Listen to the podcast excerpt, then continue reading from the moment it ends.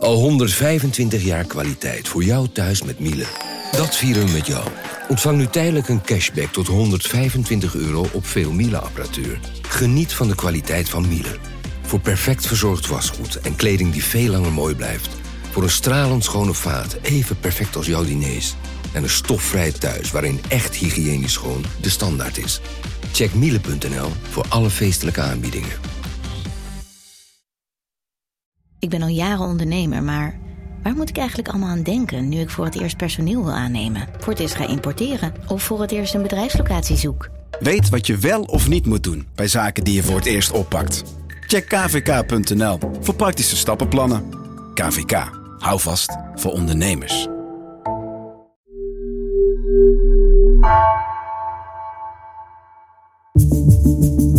Vanaf de redactie van NRC het verhaal van vandaag.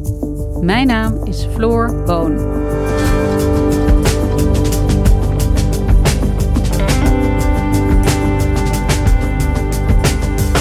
Deze week begint het parlementaire onderzoek naar de toeslagenaffaire. De Belastingdienst heeft duizenden ouders ten onrechte als fraudeurs aangemerkt, met grote financiële gevolgen. Parlementair verslaggever Philip de Witwijnen volgde afgelopen jaar één van de gedupeerden. Politici beloofden haar meermaals om nog dit jaar gecompenseerd te worden, maar zover is het nog lang niet.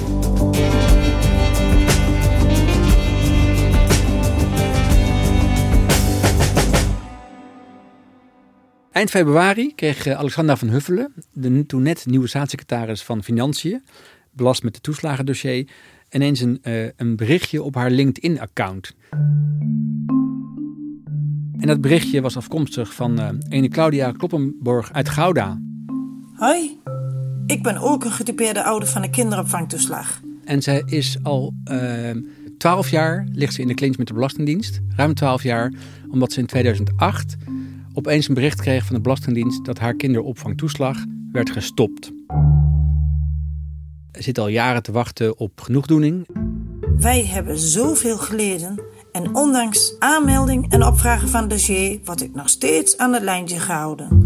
En uh, zij is een van die vele gedupeerde ouders uit de toeslagenaffaire die ik sinds uh, januari ben gaan volgen in haar uh, ja, hele harde en botte strijd met de Belastingdienst. Graag kom ik in contact met u. Claudia is dus een slachtoffer van de toeslagenaffaire. Ja. Wat is dat ook alweer? Ja, de toeslagenaffaire is een um, uh, probleem dat is ontstaan eigenlijk in 2014. In eerste instantie maar ging om één gastouderbureau in Eindhoven met uh, ongeveer 230 klanten.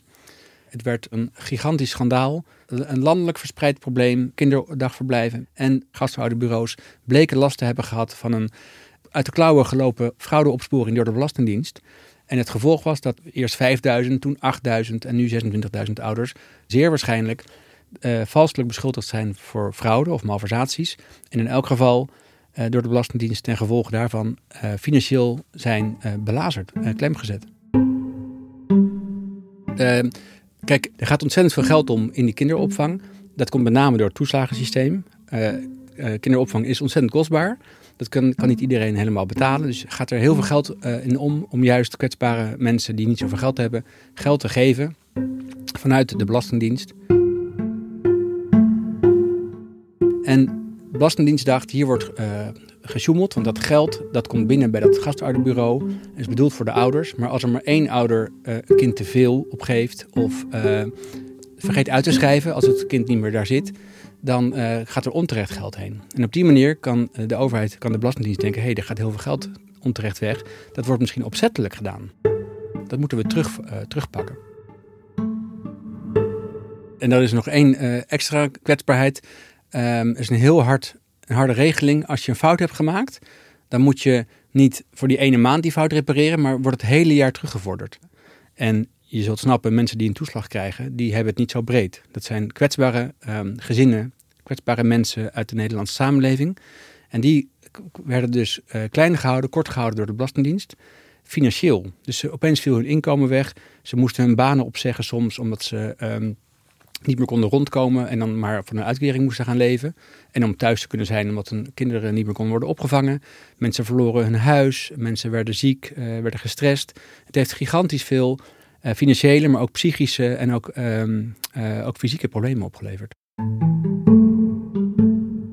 En heeft dat politieke consequenties gehad? Jazeker, waar uh, de vorige staatssecretaris Menno Snel van D66 in eerste instantie dacht er is een incident, dat moeten we oplossen, daar gaan we aan werken.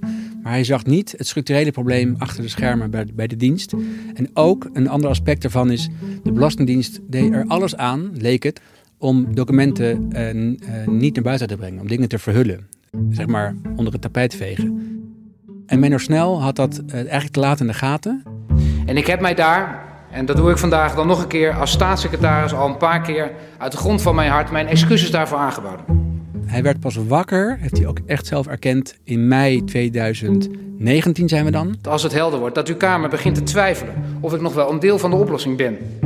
En ik niet een deel van het probleem aan het worden word, dan komt het moment dat ik mijn politieke verantwoordelijkheid op een andere manier moet inkleuren. En dat is door af te treden. En toen is hij eigenlijk onder druk van de Kamer afgetreden in december 2019. Dus vanmiddag zal ik uh, de koning verzoeken mij ontslag te verlenen. Dus de staatssecretaris die stopte ermee, die trad af. En toen, toen kwam er een nieuwe verantwoordelijke voor deze kwestie. Er kwam ook een heel klein intermezzo met minister Hoekstra. Die was gewoon de enige nog op het ministerie. Van Financiën. Minister van Financiën. Die, die nam die portefeuille over. Die zei, jongens, ik ga met de ouders in gesprek in een grote uh, congreshal in Rijswijk. En we gaan het oplossen binnen een jaar, in 2020. Wat ik ontzettend belangrijk vind, is dat we in ieder geval beginnen met het herstellen van vertrouwen richting deze ouders. Dat is ook de reden dat ik zelf met ze in, in gesprek wil. En heel veel van die ouders realiseren zich ook. Het was een grote uh, hal waar um, tientallen tafels stonden, ronde tafels, waar die ouders in groepjes van tien waren verdeeld. En daar zaten twee ambtenaren van de Belastingdienst en de minister van Financiën Hoekstra en premier Rutte die schoven steeds aan een andere tafel aan, waar dan die ouders hun verhaal konden vertellen. Persoonlijk is overkomen. Uh, mensen vertellen over dat ze bijvoorbeeld hun huis zijn uitgezet, hun baan zijn kwijtgeraakt.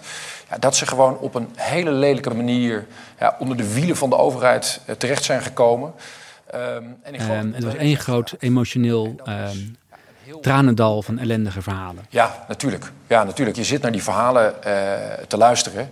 En, en je vraagt je ook echt af, hoe heeft dit nou kunnen gebeuren? Hè? Sommige van die gevallen zijn zo evident onredelijk... Ja, dat ik daar ook met het schaamrood op elkaar heb gezeten. Na afloop heb ik een aantal uh, ouders kunnen spreken. En een dag later uh, kreeg ik opeens nog een mailtje van Claudia Kloppenborg uit Gouda. Ze wilde gewoon haar verhaal vertellen. En zo ben ik met haar in contact gekomen. En ik nam me voor om haar, ik heb het ook haar gevraagd kan ik u niet dit jaar volgen om te kijken aan de hand van uw zaak of uh, de belofte van minister Hoekstra dat hij binnen dit jaar, 2020, het probleem zou oplossen, of hij ook u zal compenseren dit jaar. En wat was haar situatie op dat moment? Ik zocht haar op in Gouda, waar ze woont in een, um, in een nieuwbouwwijk. Uh, het was s'avonds laat, het was vrij donker. Ik kreeg een kopje thee. Ze had allemaal papieren op tafel liggen. Uh, en wat me opviel is dat zij alles vanaf 2007 heeft bewaard. Haar bankafschriften, haar uh, correspondentie met de Belastingdienst, allemaal aantekeningen. Ze heeft heel veel telefoongesprekken gehad, heeft ze, uh, heeft ze allemaal uitgewerkt. Ze had dagboekaantekeningen. Wat van belang is in haar zaak, omdat de Belastingdienst juist erin slaagt om dossiers kwijt te maken of uh, gedeeltelijk um, ja, te, te, te, verliezen of zelfs um, te vernietigen. En hoe is het begonnen, die problemen van Claudia bij de Belastingdienst? Uh, het was strikt genomen 2008 dat het begon. Ze was al alleenstaande moeder. Die twee kinderen zaten op een kinderopvang, uh, kinderdagverblijf. Blommestein heette dat. En daar werd gefraudeerd. Dat is ontdekt door de Belastingdienst. Dus daar hebben ze terecht onderzoek naar gedaan. Maar nu komt het.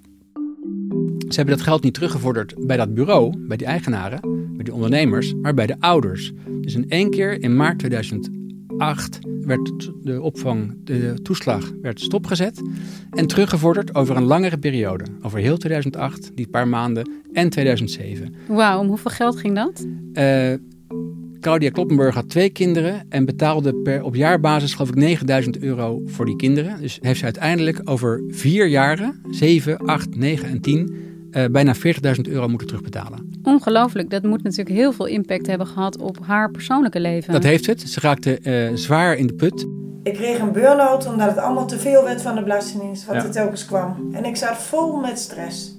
Ze heeft ook fysieke, uh, zware fysieke problemen gehad. Ze heeft een, een hart, uh, hartaanval gekregen in 2008. Ik ben op mijn bed gaan liggen.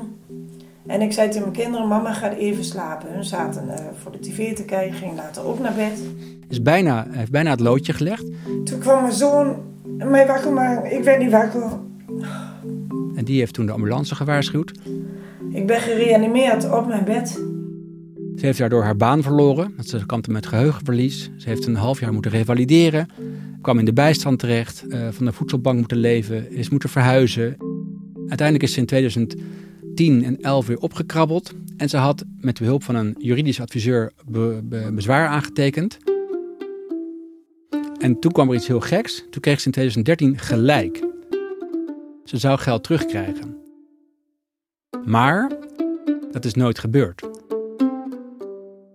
En ja, het viel mij al heel snel op dat die Claudia uh, vrij uh, assertief is. Uh, ze had een advocaat ingeschakeld. Ze was op Rutte afgestapt. En eind februari schreef ze dus um, dat, linkje, dat berichtje op LinkedIn aan de staatssecretaris. En dat is datzelfde berichtje als waar we het net over ja, hadden? Ja, en daar reageerde de staatssecretaris toen vrij snel op. Een dag later werd ik gebeld door een secretaresse vandaar. en die uh, zei van, ik wil graag afspraak maken voor dan en dan. En dan komt mevrouw Van Huffelen. Die was nog, uh, nog geen maand uh, aangetreden en beloofde bij deze Claudia in Gouden langs te gaan. En drie maart kwam mevrouw Van Huffelen hier binnen. En ik vroeg of ik erbij mocht zijn, maar dat vond ze eigenlijk geen goed idee. Ze dacht, ik moet het zelf doen. Mijn advocaat komt wel, maar kom jij dan vlak daarna? Dus zodra ik stond op de parkeerplaats in mijn auto en na drie kwartier was de staatssecretaris weg... En ik ben daarna naar binnen gegaan. Uh, en toen heeft zij het verhaal verteld en ze was in een jubelstemming. En ik zat hier met tranen. En toen heeft ze op mijn hand gepakt en gezegd: Ik vond het zo lief. Vond ik heel fijn. Dat kon ik echt waarderen. Uh, dat ze zo snel mogelijk het zouden oplossen. En dat ik dan krijg waar ik recht op heb. Ze had echt goede hoop dat het goed kwam. Dat heeft ze letterlijk gezegd aan ja. tafel. Toen heeft ze weer uh, elke dag op de bankafschriften gekeken. Want uh, ze had min of meer het idee dat er binnen acht dagen betaald zou worden. Zoals de advocaat had gesommeerd. Dat gebeurde niet. Toen was het half maart. Toen was het april. En elke keer gebeurde het maar niet. En ja. ik was gewoon down dat het zo lang duurde. Maar het duurde maar en duurde maar. September niks, oktober niks. Nee. Soms was ze, was ze helemaal wanhopig en in tranen. Soms was ze opgetogen als ze weer een bericht had gekregen van haar contactpersoon bij de Belastingdienst dat het goed zou komen. In juni gebeurde er iets heel grappigs. Bijna grappigs. Ik vond het eigenlijk niet zo. Het is, het is te triest om waar te zijn. Maar die, die, die contactpersoon van de Belastingdienst. die vond haar zo. Uh, hardnekkig vasthouden aan haar zaak. Die zei: Goh, moet je niet bij ons komen werken? Want we hebben mensen nodig om die toeslagenaffaire op te lossen. Dus jij... de Belastingdienst die haar had gedupeerd, die zei: Kom bij ons ja, werken. Ja, dat klopt. Ja, ze zei letterlijk van: Omdat ik zo'n vechter ben, kan ik wel bij de Belastingdienst komen werken. Nou ja, dat vond ik wel lachwekkend. Ja, ja. Daar moest ze zelf ook om lachen. En ze zei, sorry meneer, maar dat ga ik niet doen. Ik, ga pas, uh, ik wil heel graag weer werken. Ze was even tijdelijk werkeloos, ook door de coronacrisis. Maar ze zei, uh, ik ga niet bij jullie werken... zolang ik geen vertrouwen uh, terug heb gevonden in de Belastingdienst. Ik moet niet aan denken om dit op te lossen voor de mensen. Want als ik zie al hoe mijn gevecht is... Laat staan al die 20.000 andere ja. ouders... Maar we, we horen hier natuurlijk een systeem waarbij ouders, uh, gezinnen, burgers uh, heel lang beloftes worden gedaan en waarbij ze continu tegen een onbetrouwbare overheid aanlopen eigenlijk. Dus hen wordt toegezegd dat ze gecompenseerd zullen worden en er gebeurt niks. Nee, dat, wat het rare hiervan is, de Belastingdienst is op twee manieren onbetrouwbaar gebleken. Eén, bij het probleem zelf, de oorzaak van die, nou ja, die fraude, die enorme uh, ontspoorde fraude uh, opsporing. Uh, met hele grote financiële schade tot gevolg. En vervolgens bij de afwikkeling blijken er dingen niet te lopen zoals uh, uh, beloofd zijn inderdaad. De, de, nieuwe staatssecretaris zei ook, we gaan aan de slag. Uh, we gaan nu, ze noemden geen echte termijn, maar ik ga proberen dit jaar te regelen.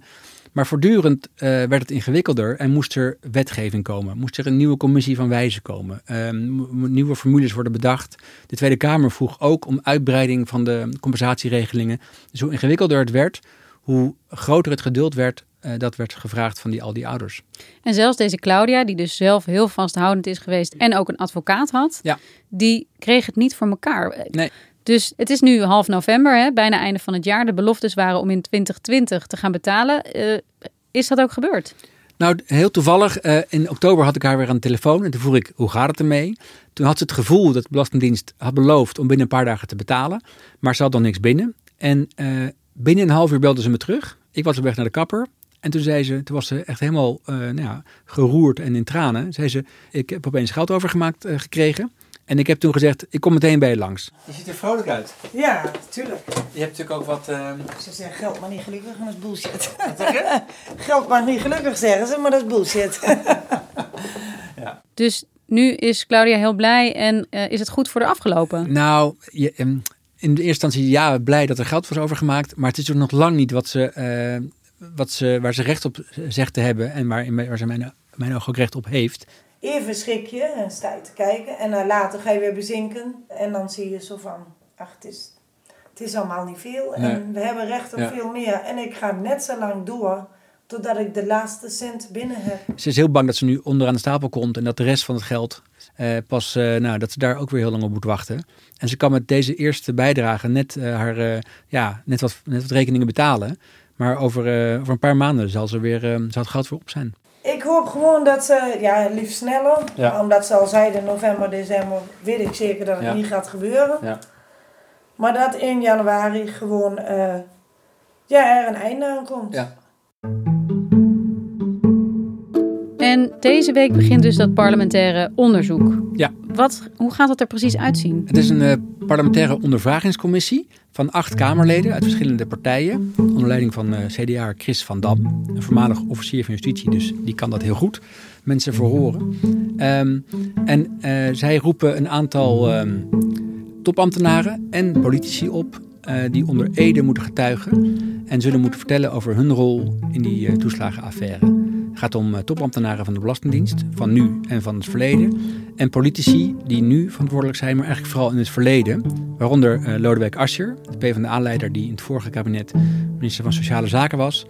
Uh, de voormalige staatssecretaris Snel van, uh, van Financiën. En ook premier Rutte moet verschijnen. Kunnen hier ook nog straffen worden uitgedeeld of koppen gaan rollen? Nou, de parlementaire ondervaringscommissie is niet helemaal bewapend met dat soort middelen. Ze kunnen niet echt dus kunnen we aanbevelingen doen, maar geen uh, echte conclusies trekken. Daarvoor is eerder een parlementaire enquête nodig, zoals we nu uh, naar het Groningse gasdossier gaan krijgen. Um, maar als blijkt dat er echt grote fouten zijn gemaakt, dan kan de Tweede Kamer uh, hier wel op doorgaan. En ja, als er dan nog ministers um, nu in functie zitten of verantwoordelijk kunnen worden gehouden voor grote fouten, dan kan dat nog een staartje krijgen. Het klinkt ook wel alsof de Belastingdienst nodig aan een grondige hervorming toe is. Ja, maar dat horen we eerlijk gezegd al jaren. Ik volg de dienst al zes jaar nu. We hebben heel veel affaires gehad in de Belastingdienst over IT, over reorganisatie, over de, schenk- en erfbelasting. Er gaat van altijd wat mis. Het is vaak ICT gerelateerd. Uh, in dit geval was het eigenlijk ook een, um, ja, een, een hardvochtigheid, een, uh, een, systeem dat mensen, dat geen oog had voor, voor de menselijke kant van belastingbetalers of van toeslagenontvangers. En daar speelt ook de politiek een rol, uh, of die daar niet eigenlijk te hard om hebben gevraagd. Dus journalistiek gezien ben jij nog lang niet uitgekeken op die dienst? Nee.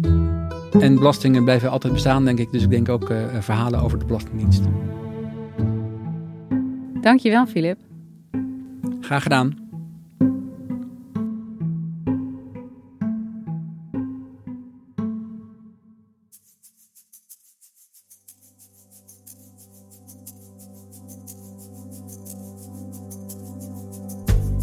Je luisterde naar vandaag, een podcast van NRC.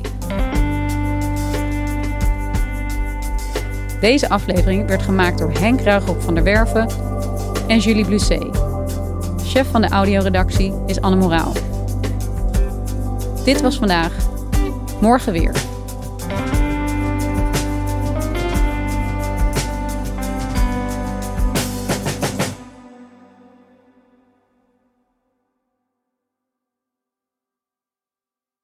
Technologie lijkt tegenwoordig het antwoord op iedere uitdaging. Bij PwC zien we dit anders. Als we de potentie van technologie willen benutten, kunnen we niet zonder een menselijk perspectief. Human-led, tech-powered noemen we dat. Ga naar pwc.nl.